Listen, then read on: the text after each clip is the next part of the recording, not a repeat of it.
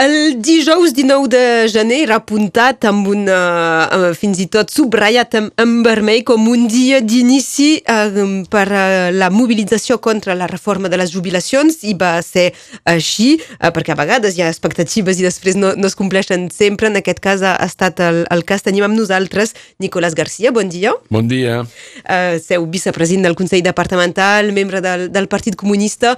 Aquest dijous pels carrers de Perpinyà en particular i en general a l'estat francès, la, la mobilització ha estat a l'alçada del que esperava eh, la, els sindicats i, i tota la, la, la gent que lluita contra aquesta reforma. Sí, i, i hasta més. Uh, jo de memòria, uh, les dues grans manifestacions, i n'he fet algunes, no. uh, les dues grans manifestacions que, que he conegut uh, han sigut 95, 1995, que també era el tema la jubilació, i els atentats uh, de Charlie i aquesta és la tercera més gran que he vist. Realment hi havia entre 18.000 i 20.000 persones, però més enllà d'això hi havia molta gent. Eh, bueno, nosaltres que n'hem fet algunes som acostumats a veure cares i aquí hi havia moltes cares noves, molta gent. Jo mateix en el meu ajuntament he vist gent que m'han dit, eh, treballadors que m'han dit... Eh, és la primera vegada tota la meva vida que manifesto i tornaré a manifestar perquè és pas possible de tractar la gent amb un menys preu així i, i de fer aquestes reformes quan hi ha un report que diu eh, que no són obligatòries, que se pot fer d'altra forma. Doncs eh, realment, sí, sí, la, la manifestació era molt, molt, molt, molt, hi havia molta gent i, i, i, i és eh, important que hi hagi gent perquè inclús l'Estat ho veu, encara que no reconegui tots la realitat de, de, la, de, de la participació, ell en tot cas té les informacions i sap que la gent no són pas contents. Fins on pot arribar eh, la força de, del carrer per fer recular una, una reforma o fer-la adaptar, modificar? Històricament, moltes reformes han reculat. 95, me recordo ben bé que la llei Juppé deia jo resto droit amb mes botes i al cap d'uns mesos va, de, va tenir que demitir i després se van perdre les eleccions. Uh, la dreta va perdre les eleccions.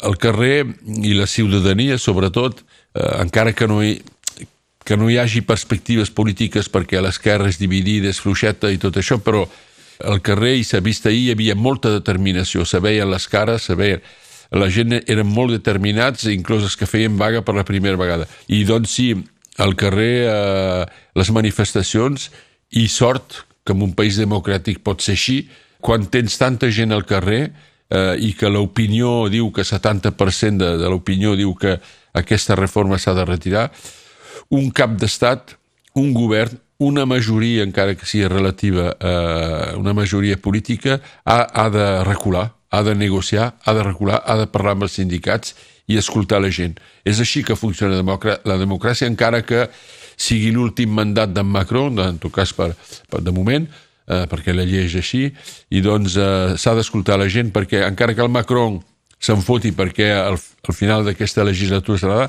la seva majoria, els diputats que votaran aquesta llei, que siguin de dreta o que siguin de dreta de Ciotti o de dreta de Macron, ells voldran representar-se i, uh, aquesta, uh, i, i doncs han d'escoltar el carrer. La reforma el que diu és uh, recular l'edat de, de jubilació, també el nombre d'anys cotitzats augmenta.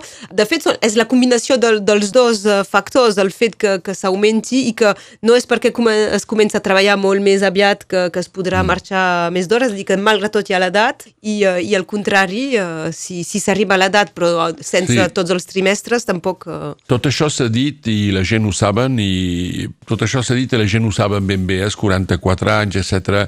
Però per mi el més important és que és, que és un recul de civilització. Avui diuen uh, vivim, uh, la gent viu amb més vells i han de treballar més. No, si viuen més vells és perquè hi ha hagut la, la retreta a 60 anys i nosaltres volíem 55 anys per les dones hi ha hagut eh, la seguretat social, hi ha hagut una salut pública, una sanitat pública eh, performant i ara estem reculant sobre tots aquests temes. I és un recul de civilització.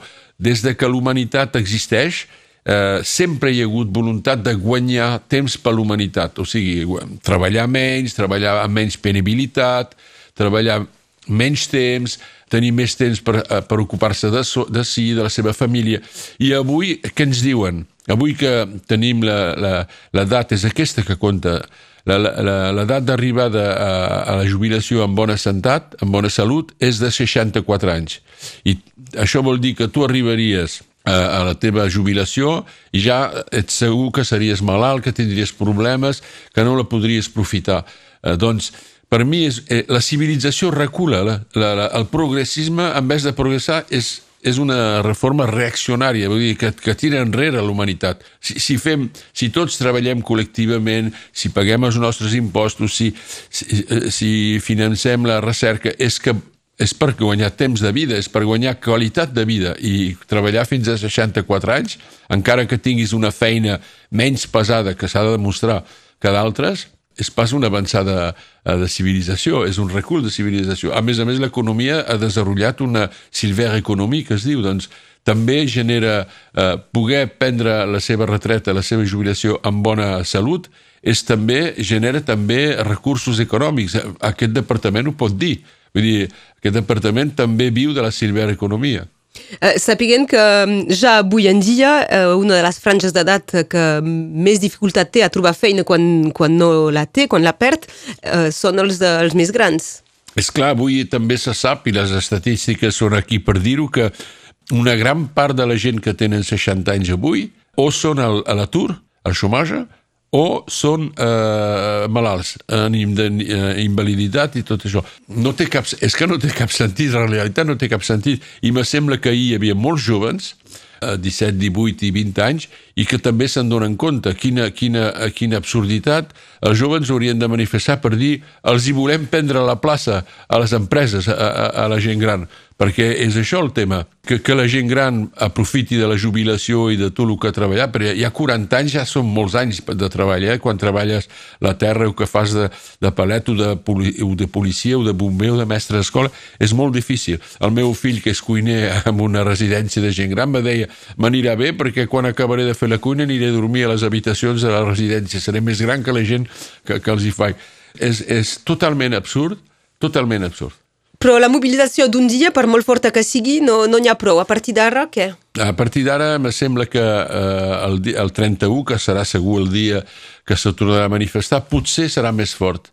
Imagino que serà més fort. I entre, perquè entre aquest dia, avui, a fin ahir, i el, el dia 31, que serà segur el dia de la manifestació, la gent se parlaran, hi haurà els militants, sindicals, polítics que faran la, la llur fenya, però els que han participat a la manifestació parlaran amb els altres. I també ens allunyem d'un temps on se gasten molt diners, el 31... Eh, bueno, també hi ha aquest tema, no? Vull dir, el 31... Eh, Perdre un, un dia de feina. un dia de feina, bueno, el 31 és un és quasi ja tothom ha cobrat el mes de gener, això ajudarà, suposo, també ajudarà, tots ajudaran, tots els sants ajudaran, però me sembla que si menys que mai el govern ha d'apostar sobre eh, que se podrirà el conflicte, perquè això el país ho pagaria molt car. El país ho pagaria molt car. S'ha de negociar, s'ha de parlar i s'ha de recular sobre aquest tema. És pas possible i, i, i el pitjor de pitjor, si, si no volen una, una explosió social més forta, seria d'utilitzar el 49.3. Això seria la vergonya de la legislatura del Macron. Eh, estem parlant amb Nicolás Garcia, que és també vicepresident del Consell Departamental encarregat de l'aigua, i ja que parlem de manifestacions, mm. hi ha una de prevista aquest uh, dimarts al matí a les 10 a, Perpinyà sobre la qüestió del nivell d'aigua que ha de tenir el riu Tet i, uh, i també, mm. doncs, en amunt tots els altres, els barratges, els recs. Problemes d'aigua en tenim, en tenim. Benvinguda la neu? Que, sí, benvinguda la neu, però tampoc això no, no, no, no ajudarà, tot. però no, no soluciona res, perquè la neu, quan arriba a la plana, eh, bueno, la majoria s'ha infiltrat i, i alimentarà d'aquí molts anys eh, les capes eh, pliocenes més profundes, que són les importants.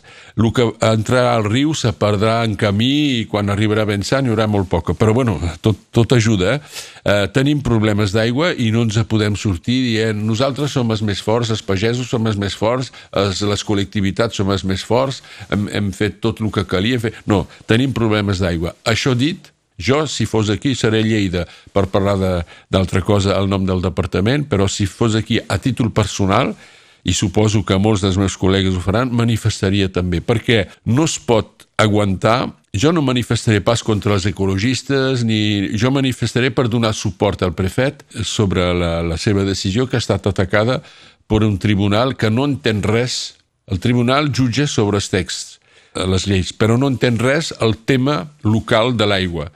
I el prefet, quan va prendre la seva decisió, ho va fer també en concertació amb els seus serveis, no ho va fer així com així, no? encara que hi havia la pressió, de, ja, sempre hi ha la pressió de, del món econòmic, pagès i altre, però ho va fer amb dades reals, concretes, no en texts fets a París.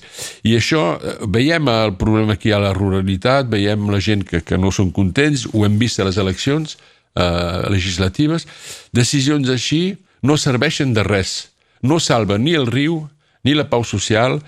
Avui el que s'ha de fer en aquest departament, i ho he dit als, als pagesos i als balles abans d'ahir vam fer una reunió, cal treball col·lectiu sobre l'aigua, cal reflexionar, hi han propostes sobre la taula, el departament en fa, d'altres en fan, són pas decisions preses a Montpellier amb eh, lleis escrites a París per tot França que, que trobarem la solució. És clar que tenim problema d'aigua, tothom ho sap, hem de treballar, hem de buscar eh, recursos alternatius d'aigua, n'hi han, existeixen, però decisions així no, no serveixen de res, només de eh, mettre le feu poudre, com se diu eh, en francès, i doncs, eh, però hem de també parar de dir som els més forts, nosaltres pagesos hem fet tot el que podíem, nosaltres balles hem fet tot el que podíem. No, hem de treballar perquè s'ha de treballar, perquè tenim problemes. Si no plou a la primavera, perquè el que ha plogut avui no és res, eh?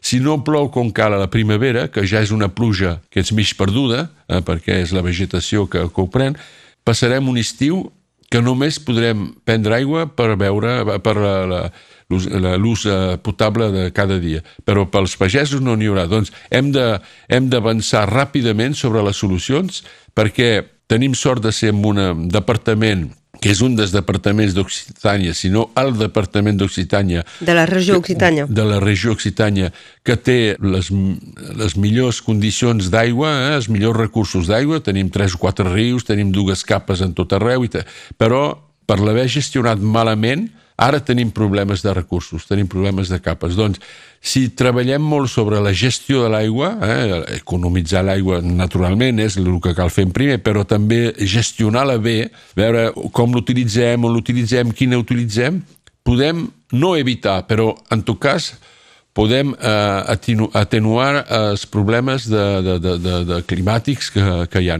i doncs hem de treballar i el departament ho fa i posa diners i vol ajudar tothom.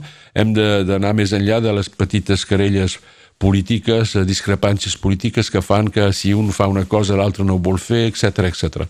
En tot cas, sobre aquesta qüestió dels nivells d'aigua, de quin, quin ha de ser el, el cabal de, del riu eh, Tet... Eh Uh, hi ha una manifestació aquest dimarts, sí, tindrem dimarts, temps d'en de, tornar a, a parlar i tornar-ho a, a abocar. Avui en volíem parlar amb en Nicolás Garcia. Uh, tampoc ens queda temps pel nom del departament, uh, potser, perquè necessitarà més temps d'explicació. Sí, val, una, val la pena. D'aquí unes setmanes en podrem parlar perquè tenim un, estem treballant sobre aquest tema i avancem, avancem. Ho volíem fer un any on no hi ha eleccions nacionals franceses i aquest any toca i aquest any prendrem una decisió. Nosaltres suggerirem la, una decisió a la, amb la gent d'aquest uh, departament, al primer ministre o a la primera ministra, i uh, després els hi tocarà a ells a, a decidir si ho fan o no. Ja en parlarem més concretament, hi ha més detalls també, eh, sí, d'aquí unes setmanes. Nicolás Garcia, gràcies d'haver vingut a Radio Arrels. Adéu. Adéu, bon Adéu. dia.